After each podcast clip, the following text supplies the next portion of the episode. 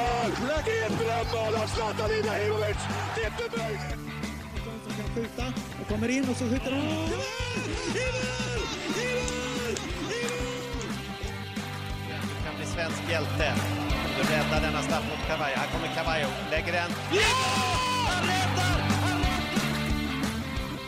Ny landslagsvecka och vi har ett nytt avsnitt av Bruttotruppen. Idag är det onsdag den 7 april och på lördag redan är det dags för damlandslaget att spela fotboll mot USA av alla lag och sen väntar en landskamp mot Polen. Så självklart kommer vi med ett nytt avsnitt av Bruttotruppen, det femte i ordningen och vi hälsar er hjärtligt varmt välkomna. Konrad, du, eh, det börjar ju bli varmare ute och eh, det börjar närma sig sommarlov för din del antar jag. Äh, varmare ute, det är ju Haninge vi snackar om. Det är alltid eh, varmt i Haninge, Nej, här eller? blir det inte varmt. här blir det aldrig varmt. nej, men eh, i, idag har det inte varit så bra, men generellt så absolut, och det, det är fantastiskt, så det att man, det är ljust hela dagarna och, och sådär, det tycker jag ger väldigt mycket energi till henne och sådär. Så vet jag inte om det där är liksom hokus pokus i hjärnan på en, men jag tror att det ändå har någon form av riktig effekt. Liksom. Nej, jag, jag personligen tycker om när det är ljusare och längre dagar och så. Jag vet inte. Det känns som att man lever även på kvällarna. Lite så. Eh, och sen är jag, ja, jag är inte ett fan av mörkret. Eh, helt enkelt. Du, det har varit en helg med mycket fotboll, men ganska tyst ändå för de svenska herrlandslagsspelarna om vi ändå ska börja där innan vi går in på damlandslaget och den samlingen som eh, inleddes här i måndags och eh, med två landskamper på tapeten. Vad, vad är dina generella tankar om eh, den svenska herrlandslagshelgen? Ja men att det inte riktigt lyfte helt enkelt. Det var ingen som, det var väl egentligen ingen eh, av de här riktigt stora stjärnorna som klev fram.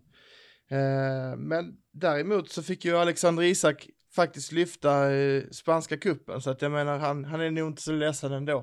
Eh, men annars så var ju Zlatan och Forsberg, det var inget speciellt och, och vi har Dejan som hade en jobbig helg eh, med assist till Torinos mål mer eller mindre. Så att det är klart att, eh, om vi bara ska nämna dem som exempel då, men det är klart att det lyfter nog snart eh, igen. Jag menar, det kan inte gå bra varje vecka. Nej, exakt. Det var lite så här, det behövdes nästan en paus eh, en helg där svenskarna inte står för eh, eh, otroliga succéer liksom. Men du, kan vi ta och stanna vid där lite grann vid Dejan Kulusevski som jag gärna skulle pr- vilja prata lite mer om. Vi har ju hyllat honom ganska mycket, både i den här podden men på andra plattformar också. Eh, och det är inte sällan han hyllas av oss svenskar med tanke på att han är ung och talangfull och allt sånt. Men på sistone har det inte gått bra och, och det har inte riktigt stämt för Dejan. Vad har enligt dig gått fel? Vad är det som inte stämmer för honom? Nej men det är intressant att du säger det för att det är väl ingen, ingenting som har gått upp för media förrän just den här helgen då eh, med Torino och sådär i Sverige för att jag tror att Sverige har man fastnat i narrativet att det går väldigt bra för Dejan och det har det gjort i många matcher men efter nyår har det inte sett roligt ut för honom och eh, det är lite samma visa i landslaget. Sen var det inte lika illa som i söndags men, men eh, vi har, vi har nu sovit lite på att han har haft en dålig form här i Sverige eh, och nu börjar det komma upp för folk faktiskt så att eh, vi hoppas att det vänder. Han är ju bara 20 år så att eh, det borde inte vara något större problem Nej, man, det, man, alltså, man tenderar ju att glömma bort hans ålder eh, och typ jämföra honom med lagkamraten Federico Chiesa som går riktigt bra i Juventus som å sin sida liksom har några fler år på nacken och eh, kanske tyngre säsonger i Fiorentina beroende på hur man väljer att se på det.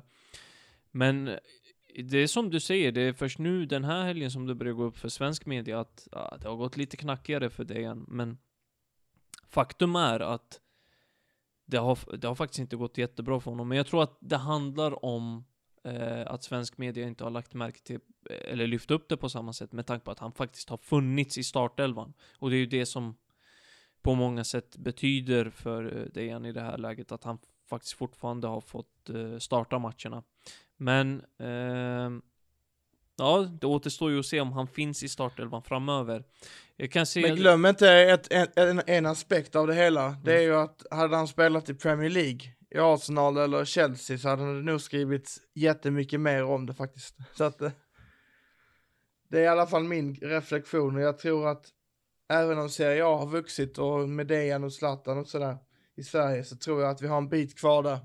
Jag håller faktiskt inte med dig där för att det känns som att så fort Zlatan kom tillbaka till Serie A här nu, eller det känns inte, det är inte bara en känsla utan det är faktiskt så att sen Zlatan kom tillbaka så har mediebevakningen skiftat helt och hållet och eh, känns som att man skriver mycket mer om Serie A än vad man gjorde tidigare och alltså, frågan är om det inte är i samma utsträckning som man skriver om, dem, om, om eh, Premier League-svenskarna.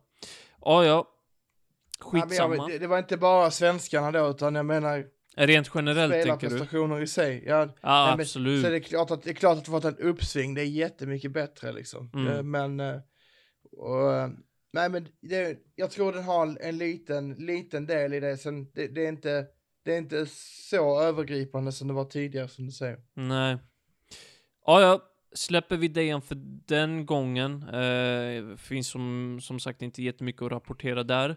Eh, ingen, ingen BT Bullets den här veckan, ingen rapport med tanke på att jag känner bara att det har varit lite tamt på här sidan så vi avstår den här gången och ja, men låter det vara och fokusera på lite smågrejer på här sidan innan vi går över på damlandslaget. Men det fanns några ljusglimtar här den gångna helgen, Konrad. Och eh, du noterade en ganska snabbt, va? Du menar framförallt Alexander Isak då eller? Ja, men bland annat den. Han eh, fick ju lyfta bucklan i den eh, spanska kuppen.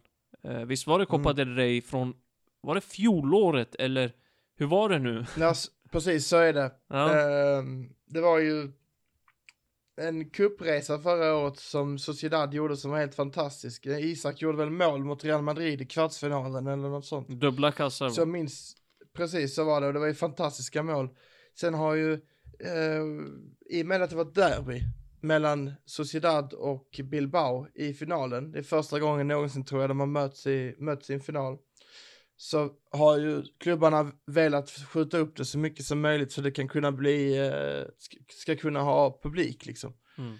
Eh, de hade mycket väl kunnat spela den i somras när de återuppst, eh, återuppstod säsongen där, men, men det men det blev ingenting helt enkelt. Och det, det tror jag har att göra med just att det är de två klubbarna som möts. Mm. Hade det varit eh, Osasuna mot eh, Levante så tror jag nog att de hade spelat den direkt liksom. Men det blev ju ingen publik den här helgen heller. Eh, utan Sociedad vann ju på en straff från Oyarzabal. Så att eh, det var väl inte Isaks bästa match det heller. Men han fick lyfta pokalen och eh, det är hans första titel utomlands. Det måste det väl vara. Så att, Mm. Eh, Så det, det gläds vi över, men eh, mm. Annars i Spanien så var det rätt så tyst, eller det är ju inte många svenskar där. Det är väl John Guidetti som härjar på någon läktare här och var under, eh, under omgångarna. Eh, annars inte så mycket mer. Mattias Johansson däremot, högerbacken i Gentler Gilibri. Hoppas jag sa det rätt nu. Eh, satte ett mål för sitt lag. Eh, och eh, går rätt så bra i sitt eh, turkiska, i den turkiska ligan. 29 år gammal. Jag och du var ju på det här lite grann under den senaste här samlingen om att det inte såg så jättebra ut med Mikael Lustig på högerbacken och att Emil Kraft som är tänkt att, ja vad ska man säga, ta över kappan eh, där på till höger, eh, inte riktigt övertygade. Samtidigt så gör Mattias Johansson det här målet och gör det bra i sitt lag i den eh, turkiska ligan och Daniel Sundgren var från start, spelade från start här mot Olympiakos tillbaka och utsedd till ligans bästa back. Eh, Högerback var det va? Ja, eh, förlåt, ligans eh, Ja. bästa högerback på, på sin position alltså. Vad, vad, spontana tankar, spotta ur dig. Vad, vad tänker du om högerbackspositionen? Att eh, det var bra att, att de har kommit fram lite fler alternativ helt enkelt. Eh, Jag bollade ju upp Felix Beijmo förra veckan och det var ju ren desperation för att jag tänkte att det är väl den enda unga jag kunde komma på så på uppstuds. Eh, Men som du säger Mattias Johansson, om han är i form så, så är han ju absolut aktuell. Speciellt om det jag, jag kommer inte ihåg exakt så det var, men Lustig har väl mer eller mindre sagt att han ska lägga av efter, efter sommarens EM va? Ja, jag tror det. Eh, sen vet Mm. man ju aldrig. Jag tror att han fick frågan här under den senaste samlingen om VM och eh, jag tror att han stod fast vid att det, det är ett slut efter EM. Men det är som Mm. sagt, alltså högerbackspositionen är lite osäker här inför framtiden, men vi har ju Mattias Johansson. Men vad tror vi, Mattias då va? Alltså jag tror nog att Mattias ligger väldigt bra till. Ja, men det känns Eh, så. Som jag sa, Anton Tinnerholm kanske. Ja, jag exakt. vet inte om Alltså, jag sa det förra veckan, men Jo, jag det gjorde faktiskt. du. Eh, och Anton Ja. Tinnerholm är en pers personlig favorit liksom. Eh, alltså, klart du tycker om honom med tanke på att han har spelat i Malmö, det förstår väl alla, men Tinnerholm är ju, alltså, han är riktigt bra. Jag har inte superkoll på hur han går i USA om jag ska vara ärlig för tillfället. Eh, tanken var ju att vi skulle ringa upp vår USA-korre och få en liten statuskoll på eh, eh, det amerikanska damlandslaget, men också Anton Tinnerholm. Eh, och så. Men, men så blev det inte den här gången förhoppningsvis framöver. Vi har ju både han, honom och Mattias Johansson. Sen tror jag faktiskt att Daniel Sundgren, han finns ju med i vår bruttotrupp såklart. Eh, Mm. Men känns inte som att han finns på tapeten hos Janne va? Nej, jag vet, och, och jag vet inte varför. Det kanske är att han har spelat så länge i AIK och sen så eh, har man någonstans hamnat i ett fack att man är en allsvensk spelare. Jag vet inte. Jag tror att han undviker nog det, men det är för oss eh, utifrån så det har ju aldrig, det har ju inte pratats om Daniel och det har ju inte riktigt hintats om det heller. Så att jag ser det som osannolikt, men, men eh, han är väldigt långt efter Anton Tinnerholm som för övrigt då gjorde nio mål på 26, eller nio poäng på 26 matcher Mm. i MLS förra året och det är ganska bra som högerback måste Det jag är säga. väldigt bra. Men eh, ja, men Sundgren är väl en spelartyp som hade kunnat passa bra också. Ja, ehm, känns som en rivig spelare att ha till höger liksom som, som kan funka bra i, i det här svenska 4-4-2 som vi spelar just nu. Ja. Men, eh, Han är inte överjävligt offensiv heller. nej, exakt.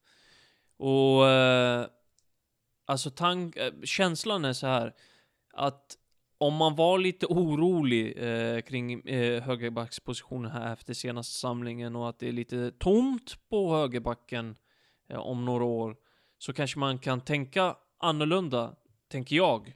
Eh, tänka att vi har Mattias Johansson möjligtvis och Daniel Sundgren, Anton Tinnerholm, att det inte är helt, helt hopplöst där. Eh, håller du med mig? Absolut, men det är det, det, det som är lite dystert, det är som jag säger då att jag tänker bara på Felix Bejmo som eh, ung högerback just nu. Det, jag kan ha helt fel här, men det känns som att han är den största talangen och han får ju inte spela liksom. Han har inte spelat sen han spelar Djurgården i princip. Så det är väl den, det perspektivet jag ser lite, lite sämre på eh, svensk eh, högerback-framtid om man säger så. Du tänker att det inte Men finns sen- några up and coming på samma sätt som andra positioner? Nej, precis. Mm. det, det är jag mer orolig för. Jag tror att till hösten, om, om Lustig skulle lägga av, så skulle Mattias jo Johansson eller en, en Anton Tinnerholm eh, göra det bra. De skulle inte göra bort sig. Nej, jag håller med. Men på sikt, jag tänker att vi släpper högerbackarna där och eh, bara lite kort Krasnodar-svenskarna som vi har, Viktor Claesson, Kristoffer Olsson, eh, Marcus Berg. De går inte superbra i sitt Krasnodar just nu, eller eh, som lag egentligen, eh, utan att vi tittar på sven svenskarna specifikt. Iskalla i helgen förlorade med 5-0 och ligger tia i den ryska, ry, ryska högsta ligan. Alltså egentligen inte jättemycket att rapportera från den ryska högsta ligan, förutom att det går lite knackigt för Krasnodar-svenskarna och sen att för en gångs skull så gjorde Jordan Larsson inte mål va? ja, det är helt otroligt. Kän, känns som att det har blivit en så här helgrutin, ja, men, eh, typ eh, slå på eh, Spartak Moskva och se Jordan Larsson göra mål. Det, det har blivit lite av en rutin för min del. Eh, varje helg. Jag och att se eh, Milan tappa poäng på eh, San Siro med Zlatan på start. Ja, lika mycket har det blivit en rutin som att Jordan Larsson gör mål. Då eh, är det illa, Men, höll jag på att säga. Men, Man kan ju nämna också med Krasnodar då att eh, de mötte elvan i tabellen. Så det var inte så att de åkte och mötte eh, något topplag direkt. Så att, Nej. Eh, vi har inte så mycket mer på här sidan tänker jag, mer än att eh, Jens Kajuste är värd att lyfta upp ytterligare en gång och det är inte för, för att eh, han gjorde en bra samling senast, utan eh, för att han följde upp den samlingen med att spela och vara en av de bästa på plan för sitt mittjylland mot Bröndby. Hade riktigt fina stats där mot eh, eh, topplaget i eh, i eh, den danska högsta ligan som man besegrade och gick om va? Precis, jag, jag hade, då, vad säger man, matchen på en second screen. Så att jag, jag såg en hel del aktioner från honom och eh, det var imponerande att se och som du säger, de gick förbi Bröndby i och med detta så att eh, det, är, det är till skillnad från dem, den Krasnodar-insatsen så gjorde ju Midtjylland en väldigt bra match mot ett annat väldigt bra lag så att det är båda gott att vara en av de bästa mittfältarna i danska ligan, vilket jag vågar sticka ut hakan och säga. Det är ganska imponerande. Så att, uh, ja, det är nog, det är nog uh, helt rätt klubb för honom just nu.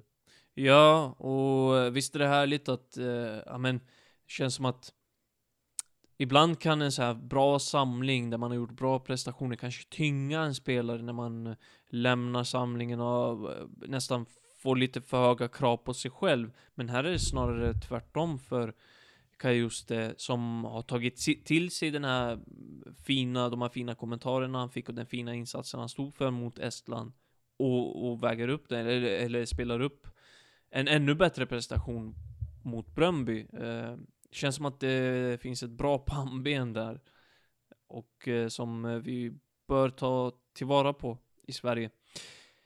Eh, som sagt, inte jättemycket mer här. Det kan dyka upp såklart under avsnittets gång, men eh, jag tänker att vi tar och snackar lite dam. Där var ju Kosovare Asllani tillbaka för sitt Real Madrid. Eh, och där kan vi börja med att eh, man vann med 4-0 på bortaplan va. Och underbart att Aslani Asllani har ju, hon har gjort två inhopp här innan, när hon har varit tillbaka från skada. Men nu fick hon starta. Ja, det är fantastiskt skönt att se det för att uh, han, alltså Peter Gerhardsson kan ju inte starta utan henne, så att eh, det uh, tycker inte jag, i, i, sin bästa lag. Så att han är nog väldigt glad över det, att Asllani är tillbaka. Men sen får vi se, det var ju straffmål här i sig och jag såg inte matchen i sin helhet direkt, så att uh, men vi får se eh, hur, hur hon ser ut nu under eh, landslagssamlingen, men det är väldigt, väldigt viktigt. Det finns inget annat man kan säga. Mm, nej, och det borde ju gott alltså. Mm, eh, tillbaka nu, gjort några inhopp, man har skyndat långsamt och känns som att hon verkar pigg också och så. Eh, viktigt såklart, men vad hade det betytt för Sverige tror du om, alltså, om Aslani inte hade funnits med här mot USA och Polen? För Gerhardssons del som du säger, Alltså, du menar ju att eh, Aslani är superviktig. Ja, men precis. Jag, jag tyckte att eh, även sen hon var väldigt ung så tyckte jag att hon visade någon form av ledarskap och självsäkerhet och någon form av, jag vet inte om det var nytt i Sverige, för det vågar jag inte uttala mig om, men, men på något sätt så tyckte jag hon lyfte till en nivå av jag vet inte, stjärnstatus inom svenska landslaget på ett sätt som jag tyckte var jäk jäkligt häftigt. Det går inte att snacka bort betydelsen för, för hon har för det svenska landslaget. Alltså hon är ju superviktig för Peter Gerhardsson och jag kan inte ens tänka mig ett mittfält där hon inte startar. Eh, men, ja, eh, viktigt att hon är tillbaka.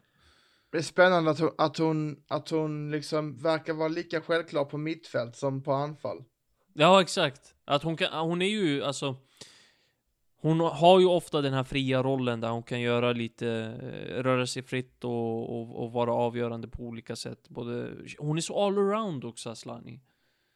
Bra på mm. väldigt mm. mycket, bra på mycket liksom. Eh, och så. Kul att hon är tillbaks. Du, eh, jag eh, kikade lite grann på eh, den heta semifinalen mellan Häcken och Rosengård också. Där finns en hel del grejer att ta med sig.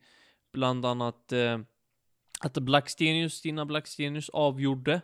Eh, kanske inte det snyggaste målet hon har gjort i karriären, men eh, en, ett av de eh, viktigare. Eh, och eh, tog sitt BK Häcken till final mot Eskilstuna United, slog ut Rosengård. Där var ju Blackstenius som sagt bra, gjorde det avgörande målet. Uh, Jennifer Falk stod för avgörande räddningar, räddade något, något skott med ansiktet till och med. Och uh, var, var riktigt bra där. Kurmark fick måtta en armbåge och gick i backen och eh, alltså, såg svart och jag, jag trodde att det där kan hon inte, efter den smällen kan hon inte fortsätta spela. Men jo, visst gjorde hon det och, och hela laget gjorde en bra insats och spelar final nu. Eh, är det någonting speciellt som du tar med dig från den matchen? Eh. Ja, det är, det är häftigt att eh, jag läste en intervju med eh, eh Johanna Rytting Kaneryd eh, efter matchen mot eh, Häcken. Och, eller med, för Häcken då, mot Rosengård i finalen där, eller semifinalen och, och hon, hon hade skrivit på i höstas så det visste hon inte om, om den skulle bli någon fotboll det här året för Göteborg, som de hette då. Så att eh, på ett halvår har de alltså gått från att eh, de inte fanns längre utan de SM-guld och sen liksom en upplösning av hela föreningen. Och nu slår de ut sina absolut största sportsliga rival i finalen, eller i semifinalen och når final mot ett annat bra lag. Så att ja, det är Häcken- helt... är nog väldigt, väldigt, eh, ja men de, de är nog lite chockade över den här utvecklingen. Men spe, alltså om man tittar på laget så är det ju ingen chock. Det är, Nej, exakt. Visst, Rosengård kanske är bättre. Jag säger ingenting om det. Men, men eh, BK Häckens lag till, eh, alltså innehåller en hel del svenska landslagsspelare som Mm. kommer att få speltid under den här samlingen, kommer att briljera i den svenska tröjan. Så, för att inte nämna då Blackstenius såklart. Så att, Mm. Och, och, nej, det är mest det man tar med sig, den resan de har gjort. Ja, alltså det, det är så jävla häftigt för att eh, det är som du säger, den här sagan kan man inte ens hitta på om man satt vid ett eh, bord och, och med en penna och ett papper vid handen. Alltså det, det här är ju någonting som är helt unikt att en förening är på väg att läggas ner och la, las ner. Alltså det var ju över ett, ett tag där för eh, dåvarande Kopparbergs Göteborg. Sen så blev det ju Häcken och eh, den här resan hit. Och det ska bli spännande att se dem i damallsvenskan här den kommande säsongen. Ja, med Filippa Angeldal och, och Filippa Kurmark och, och eh, några till där som är riktigt spännande. Mm. Jag tänker att vi, vi nämnde ju här Jennifer Falk lite kort. Jag tänker att vi kommer tillbaka till henne när vi pratar målvakter och eh, eventuell startelva för Sverige. Eh, innan dess så kan vi väl också säga det att eh, i den andra semifinalen så var det ju Eskilstuna United som vann och tog sig till final. Eh, där var det ju Loreta Kolashi som eh, många av er känner igen, gjorde mål och eh, hon gjorde det första målet i matchen. Eh, och eh, ja, eh, löste en finalplats för sitt Eskilstuna United, Loreta Kolashi, som är uttagen med U, eh, till U23-truppen här som ska spela i Kristianstad mot Kristianstad under den här samlingen. Värt att ha Ja, med hon sig har också. dessutom gjort mål i varje match förutom en Mm, hittills. mm. Att, eh, imponerande. Verkligen. Eh, håller ett extra öga på Loreta Kolashi. Känner jag. Eh, Hon har ju, som sagt, som vi har nämnt tidigare, spått en ljus framtid. Är ju bara 21 år gammal. Snart 22. Eh, så fortsatt spännande. Vi har ju ett eh, svenskt landslag som ska ta emot USA här på lördag, Konrad. Eh, vad, är, vad är din känsla eh, rent spontant här inför den här matchen kring, kring det svenska landslaget? Nej, men det känns som att eh, egentligen så man pratar mycket om herrlandslaget och att det är mycket spännande som händer där. Men jag tycker det är minst lika spännande på eh, truppfronten när det gäller damlandslaget faktiskt. Eh, och eh, det ska bli jätteroligt att se hur Peter resonerar kring laguttagningar. Så vi sa förra veckan också att det, det kan bli två helt olika elva på två matcher här nu, men som båda kommer vara jättebra. Så att det är frågan om man då väljer att sätta in de lite yngre eller mer orutinerade spelarna mot USA eller tvärtom. Mm. Jag tänker att innan vi går in på tilltänkta så här elvor och hur eh, Gerhardsson resonerar inför både USA och Polen så kan vi väl bara ta målvaktsfronten lite kort. Hedvig Lindahl missar hela samlingen kan vi också säga eh, på grund av eh, covid-smitta i Atletico Madrid. Hon har själv inte, inte smittats, eh, men är exponerad, som jag har förstått det, för smittan. Så, så därför har man valt att inte Eh, ta med henne till den här samlingen. Och hon ersätts av Emma Holmgren, som är i Eskilstuna United, kom här inför säsongen från Uppsala. Vi har Hedvig Lindahl, eh, förlåt, Hedvig Lindahl är ju inte med. Emma Holmgren, Jennifer Falk och Zecira Musovic. Och det känns som att det är lite av ett lyxproblem där. Jennifer Falk står för bra prestationer i ett av Sveriges absolut bästa lag, i ett lag som hon har ju bidragit väldigt mycket till, eh, alltså i semifinalen upp till en final. Och så har vi sett Gira Musovic som också på många sätt känns som den själv, självklara tvåan, möjliga ettan bakom eh, Hedvig Lindahl som vi har eh, bollat upp här i det här programmet. Vem, vem kommer vi se från start mot USA? Det, jag är inte helt säker alltså. Jag tror på Musovic faktiskt. Jag tror att man kommer att köra på bästa elvan här nu mot USA. Det kan vi ut, återkomma till senare då. Men, och sen så kommer då eh, Jennifer eller Emma att få spela mot Polen tror jag. Uh, lite som Jan Andersson valde att göra då, att man spelade två, eller han spelade väl, ja två målvakter var det ju på tre matcher. Mm. Så att, uh, nej men det, det, tror jag faktiskt, uh, just baserat på att jag tror att man kommer vilja ha att om man nu ska spela med Emma Holmgren eller Jennifer Falk så tror jag man vill göra det i en, i en match där, där man möter ett lite mindre kvalificerat motstånd. Mm. Men det är väl bara en gissning baserat på indicier liksom. Mm. Så, så i ditt huvud, eller i ditt tycke då, eh, så är Zecira Musovic andra valet bakom Hedvig Lindahl. Jennifer Falk är strax där bakom. Har jag förstått det rätt Ja, då? precis. Jag, jag baserar det mest på att jag tycker hon har varit eh, nästan lite för länge i Rosengård. Att det blev naturligt nu att hon gick till Chelsea. Mm. Och eh, Chelsea är ju på en helt annan nivå än vad de svenska klubbarna är när det gäller finanser och, och det här möjligheten att plocka in spelare. Jag tycker hon är dessutom på något sätt så är hon ju eh, personligheten utåt också för damlandslaget tillsammans med till exempel då eh, Aslani. Så att eh, hon bidrar med väldigt mycket viktigt och verkar vara en stor ledare hon också. Så. Ja, verkligen. Och, Men det är väl Falk också egentligen. ja, Hon är väl också en ledare i, i Häcken. Så det är hon. menar, Det är hon.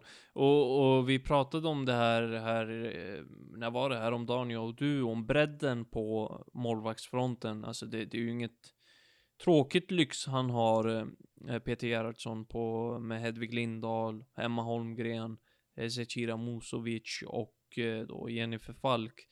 Och bredden känns som, som att den har en större spets än vad den har i herrlandslaget, där vi också har helt okej okay spelare liksom. Uh, så, så, ja. Lite att fundera över för Peter Gerhardsson, men jag tror inte han klagar överhuvudtaget. På, på tal om alltså, rotation och vem som kommer starta, jag tror också Zecira Musovic är första valet bakom Hedvig Lindahl. Eh, inte, inte alls, blir inte alls förvånad om Jennifer Falk får starten mot Polen, men jag tror att man går för att, för att hålla en stark elva här mot USA. Ja, och du bollade ju det här lite grann fram och tillbaka om vad vi tror kommer, eh, vad vi tror vi kommer få se för elva här mot eh, USA och Polen. Och Peter Gerhardsson har ju pratat en hel del om att han kommer rotera. Eh, och, och, eh, eller pratat en hel del om att han behöver hitta spelare som kan spela på flera positioner. Och jag tänker rent spontant att om han ska hitta de här spelarna så måste han testa sig fram lite grann. Eh, och då måste han rotera. Men personligen så tror jag också på att okej, okay, vi möter två bra motstånd. Vi har ett OS runt hörnet. Eh, 18 spelare ska med. Vi måste hitta vår elva redan nu. Och vi måste alltså spika varenda position redan nu, sätta ett grundspel, sätta en grundelva. Och då måste man, ja men, eh, satsa fullt och inte rotera jättemycket. Jag vet inte vad, vad alltså jag är lite kluven där. Vad, vad kommer han göra? Vad borde han göra? Vad, vad, vad är dina tankar? Ja, precis. Eh, en elva är väldigt viktigt att få, få ordning på. Men samtidigt så kan det också finnas en nytta av att lufta elva andra spelare i, eh, i den andra matchen mot Polen. Så att det skulle kunna vara så att han spelar samma elva eh, två gånger, möjligtvis med någon här liten förändring sådär. Jag tror att eh, det skulle vara bra att spela in även en men de som är kanske är längst ifrån en elva idag, om jag skulle gissa spontant så skulle jag nog säga att det är en, en Kaneryd eller en Jessica Wik eller en Rybrink kanske. Ja, Det är de som kanske är mest eh, illa ute i truppen. ja och eh, du nämnde inte Hanna Bennison va? Nej, alltså det måste vara med där. Det, det är ett symbolvärde till det dessutom. nej men, nej, Ja. men eh, hon- Klart han ska ha med jag vet. Sveriges största talang alla kategorier. Ja, precis. Nej, men det, nej, men det kan ju bli så att eh, hon inte kommer med. Det, är, det finns inga garantier och jag tycker inte heller man ska ha några garantier i fotboll. Utan det handlar om prestation och det handlar om rätt eh, mentalitet, rätt, vad säger man, inställning och allt det här. Mm. att, Hon verkar ju ha det att- åtminstone, så, så hon är ju optimistisk och satsar på att eh, komma med i truppen, Hanna Bennison. Så det ja, hon är omöjligt. otroligt proffsig. Mm. verkar Trots sin. Men- ålder, men, alltså. Ja, det är helt galet. Ja. Man tror ju, tror man skulle kunna lägga till fem år på en, hennes ålder så, Ja. så hade jag inte misstrott. Jag menar rent, rent mognadsmässigt, fem, Nej. sex år. Verkligen. Men, eh, men jag tror att det är absolut inte omöjligt att man väljer att ta bort den yngsta av dem alla. Lite så tänker jag, så här, minst erfaren, yngst och lite sådär och eh, Mm. hon kommer ha fler, hon har ju fler mästerskap framför sig och lite sånt så jag Ja, tror men att det är lite, lite, lite fackligt, sist in och först ut liksom. Exakt, och lite så här äh, enklast att motivera ett, eh, ja men, att man inte tar med henne. Jag vet inte, det, det återstår väl att se. Eh, men det kan bli rotation i de här matcherna, det är lite svårt att förutse någon elva och så. Eh, men vad, vad, eh, vad tänker du kring matchen mot USA då? Vad, vad får vi se för resultat? Usch, det är jättesvårt att säga.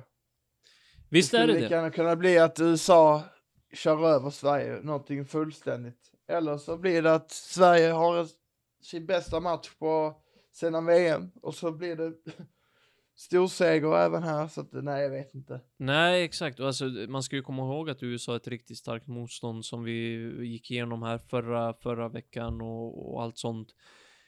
Och man ska också komma ihåg att Sverige har en hel del inhemska spelare, alltså eh, från damallsvenskan och lite så, eh, som, som inte har dragit igång sin säsongen och eh, det kommer ju synas. Alltså visst, man har spelat Svenska Cupen, visst, man har spelat en hel del träningsmatcher, men man har inte fått eh, det här kontinuerliga seriespelet och det tror jag kan påverka även om man har en hel del utlandsproffs så. Eh, det återstår väl att se, men jag tror att det kommer, de här matcherna kommer ge Peter Gerhardsson en liten fingervisning eh, för eh, alltså vad han vad han ska tänka sig inför mm, OS. Och jag lyfter ett varningens finger för USA och för eh, ja, men, matchen där. Jag tror på Sverige, jag tror på ett starkt Sverige, men det finns en risk att man inte är där just än, utan att det kommer till OS.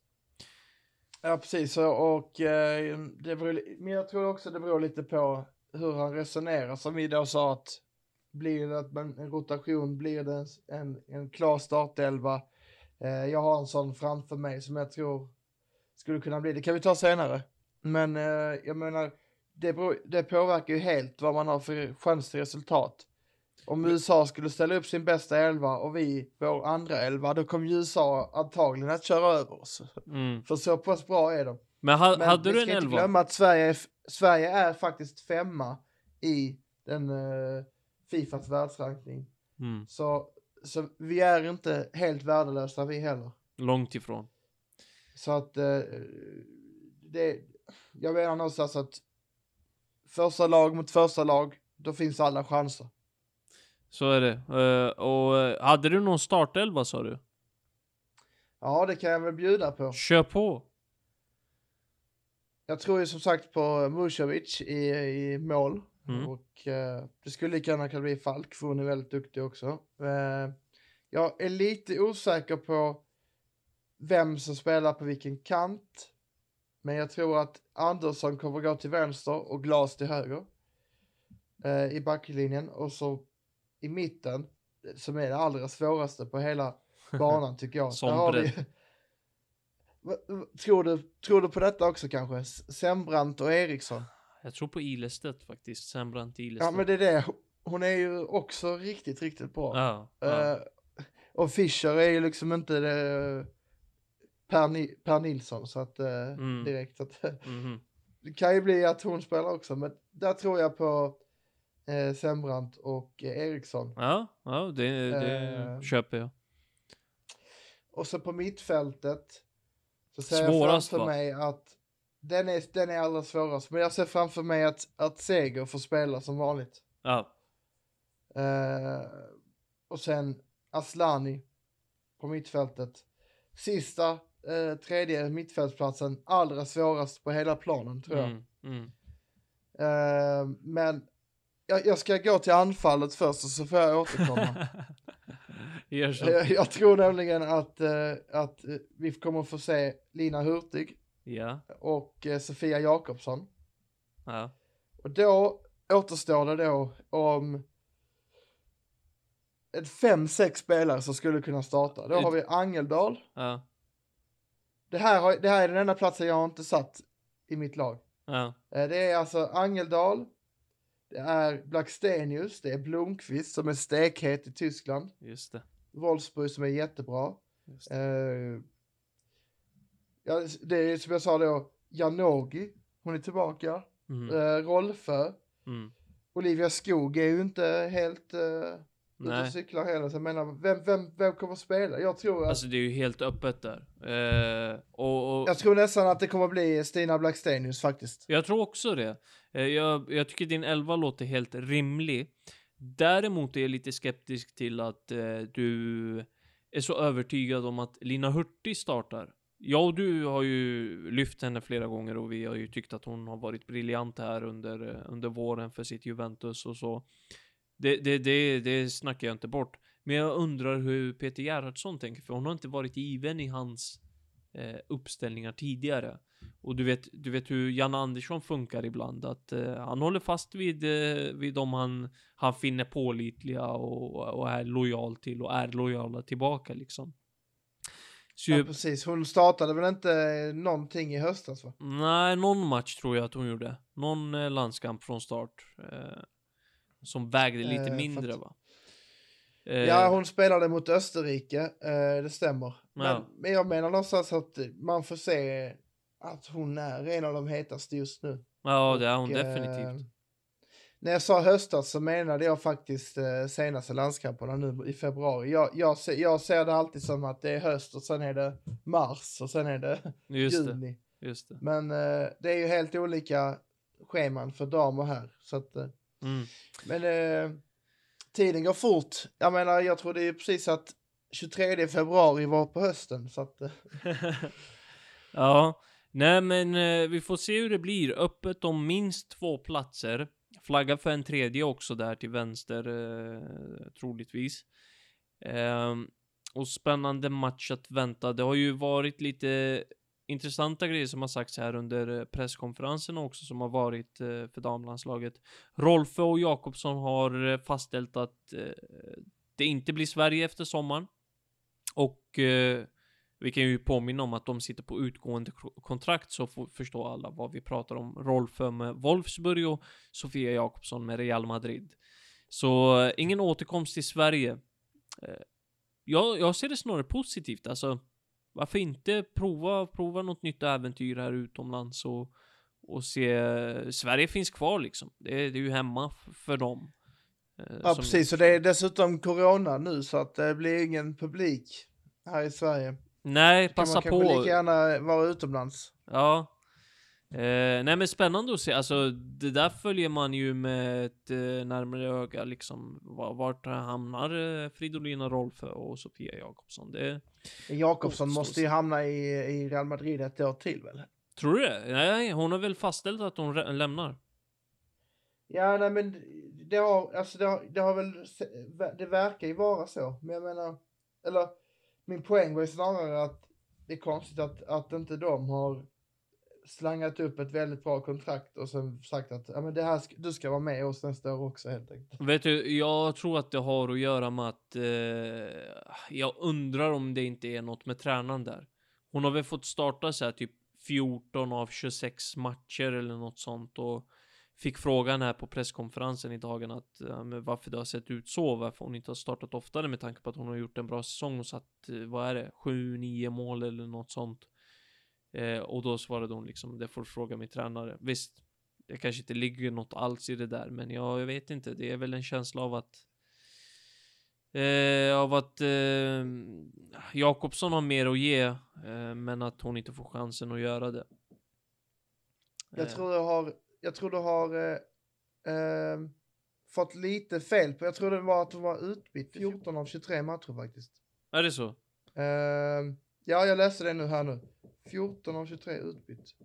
Ja, tack för rättelsen i sådana fall. Eh, utbytt. Och, eh, så, och så sa hon så här, du får fråga min tränare varför. Däremot har jag självförtroende. Ja. Eh, och Så- jag trivs i laget. Så hur man ska tolka det där, så det, man ska ju inte ta någonting ur, alltså, ur ingenting liksom. Men det kan väl finnas någonting, alltså utbytt, att hon inte är helt nöjd med situationen och att hon gärna testar vingarna någon, någon annanstans. Och det är inte helt fel. Eh, på tal om Fridolina Rolfö också, så är det en grej där som vi gärna vill lyfta upp. Vill du ta den Konrad? Ja men absolut. Eh, hon och flera andra tog ju avstånd från det som vi pratade om för någon vecka sedan med Vogel från eh, tyska Mönchengladbach. Eh, och att han fick träna några eh, damlag för att han, eh, eller ett ungdomslag, eh, tjejlag. som- Ja, för han, att- han, han är väl så här tränare för U23 herr eller något sånt. Mm. Och blev straffad med eh, att eh, behöva träna eh, flicklag eller något sånt så här. eh, Ett ja, yngre lag. Damlag. Just det, så var det. Och det, det Mm. är ju helt sjukt att han behövde göra det. Och jag tycker att det är så fräscht av Fridolina Rolfö att bara gå ut och verkligen förklara att det är oacceptabelt med sådana grejer. Och det är det ju. Och det, jag tror att det bara är bra när spelare också lyfter upp, lyfter rösten mot det. Eh, Nej men det, hon, hon sa väl där att det, att det ska hända i 2021. Eh, Att det är helt sjukt. det var, ja. Ja. Nej men det, det är väl inget, inget man kan säga emot. Jag, jag kan bara säga att det var... Jag, jag trodde inte att det var sant första gången för att Lät ju som ett skämt, ändå, alltså. Men Tyskland har ju ändå en, verkar ändå ha en väldigt stor respekt för damfotbollen generellt. Att man lyfter fram den. Man har ju arrangerat något mästerskap och man har haft publik och en del publik och sådär. Man tar ju för givet att det ska vara så allround men uppenbarligen så finns det hål även där och det Mm. finns det väl även här säkert på något sätt. Men ja. jag menar det, det här är inte acceptabelt på något sätt. Det, är, det här känns som att vi är på 1971 typ. Verkligen. Och vi, vi var glada då och är glada nu över att eh, det inte ser ut så i Sverige, även om som du säger att det finns fler eh, grejer att göra, liksom att det alltid kan bli bättre och att det kommer bli bättre och att vi jobbar för det. Eh, men jag tänker att vi inte ska bli allt för, eh, vad ska man säga, eh, bittra i det, utan att vi ser det positiva i det och att det inte ser ut så i Sverige och att det snart vankas allsvenskan Konrad, både damallsvenskan och herrallsvenskan. Och det är vi mycket glada för. Det har ju snackats, tisslats och eh, tasslats om allt som har med allsvenskan, allsvenskorna att göra. Och eh, det ser vi som veckans snackis och veckans snackis blir att vi ser fram emot att det äntligen drar igång. Har du något du vill tillägga där om eh, veckans snackis? Ja men det är fantastiskt eh, faktiskt och, och just att det börjar samtidigt nästan med, med dam och herr. För det ska bli jätteroligt och man kan följa det parallellt. Men framförallt så, som vi, vi kommer återkomma till om någon vecka här nu, så, så kommer vi vilja följa dem som kanske har chansen att ta sig in i A-landslaget eller i u landslaget på sikt. Eh, eller då i damernas fall i damlandslaget. Så att vi kommer ju fokusera mycket på det. Vi kanske inte kommer prata jättemycket om, Mik om eh, Micke Lustig och Sebastian Larsson, utan kanske snarare om de som är aktuella för U21 eller för A-landslaget. Mm. Mm. Att eh, det, det, är väl det perspektivet vi kommer ha. Vi kommer inte sitta här och recensera Djurgården mot Hammarby, utan vi kommer ta det ur ett mer eh, specifikt perspektiv då. Mm. Exakt. Och eh, ja, nej, det blir spännande att se vad vi kan rota fram i det avsnittet. Jag tänker att vi kommer lägga stor fokus där och eh, ja, men försöka göra det till en bra kartläggning inför säsongen gällande de som är aktuella som du säger. Jag tänker att vi rundar av det här avsnittet med en liten hyllning för en eh, kvinna som vi lyfter upp som veckans svensk och det är ingen mindre än Antonia Göransson som valt eh, i dagarna att eh, lägga skorna på hyllan, blott 30 år gammal. Eh, och eh, det här är en spelare som har tagit EM-brons med Sverige, eh, VM-brons, förlåt, VM-brons med Sverige 2011 och VM-brons, förlåt, nu vände jag vred på det flera gånger. Vi tar om det. VM-brons med Sverige 2011 och EM-brons 2013. Trött i hjärnan nu, trött i pallet. Eh, representerat en rad olika klubbar, bland, annat, bland annat Kristianstad, eh, Bayer Leverkusen, Fiorentina, Kungsbacka och senast här Växjö där det bara blev en match Vilken i fjol. blandning av klubbar. Alltså. Eller hur? Otroligt eh, fint. Och så kan vi också säga det bara att hon har varit i USA med tanke på att det har varit mycket USA i det här avsnittet i Seattle Rain. Eh, med de orden så tänker jag att vi rundar av det här avsnittet eh, om inte du har något mer på hjärtat Konrad. Nej, men det, jag skulle bara vilja säga det att eh, det ska bli riktigt spännande att se mot USA och sen ytterligare då vad händer mot Polen? Blir det eh, andra laget om man säger så? Jag, jag tror ju det, så att vi, jag ser fram emot det faktiskt. Två spännande landskamper på agendan. Ni ser Sverige-USA på lördag på SVT 19.10 mot USA på Friends Arena. Med de orden så säger jag tack för det här avsnittet, tack för att ni har lyssnat. Det femte avsnittet av Bruttotruppen i ordningen. Och som vanligt så kan ni följa oss på sociala medier, Instagram och Twitter på Bruttotruppen. Skicka gärna in frågor, tankar och förslag. Vi är fortfarande i startstadiet av det här programmet och så vill vi också rikta ett stort tack till svenska fans som vi gör det här tillsammans med. Så länge så ser vi ha en fin vecka och så jobbar vi Sverige mot seger.